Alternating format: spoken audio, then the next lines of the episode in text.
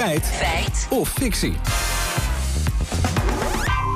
Gaat vandaag over biologisch eten. Lammert. Ja, Kathleen eh, Groense van ZLTO, de Vereniging voor Boeren en Tuinders, zegt vandaag iets opvallends in de Telegraaf.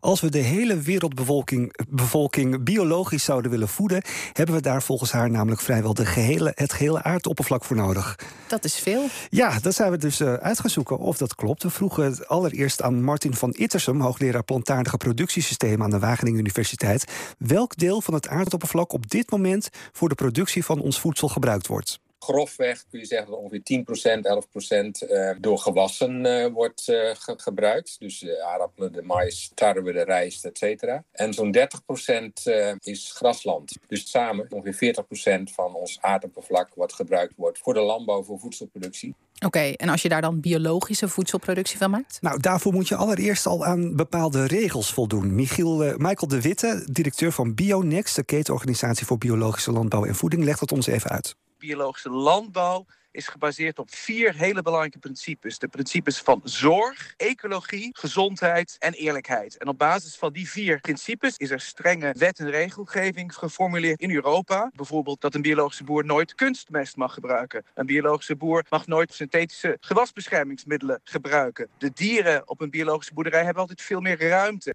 Ja, over meer ruimte gesproken.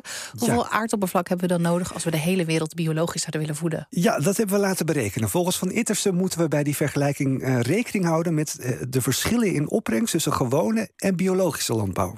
Biologische landbouw brengt 40 tot 50 procent minder op als je naar het hele systeem kijkt, dan de gangbare landbouw. En als je met een biologische landbouw hetzelfde wilt produceren, dan zou je dus bijna, niet, niet helemaal, uh, een factor twee keer zoveel land nodig hebben. Dan ga je van 40 naar 70 procent. Ja, van Ittersum vergelijkt het met uh, anderhalf voetbalveld, dat is één hectare.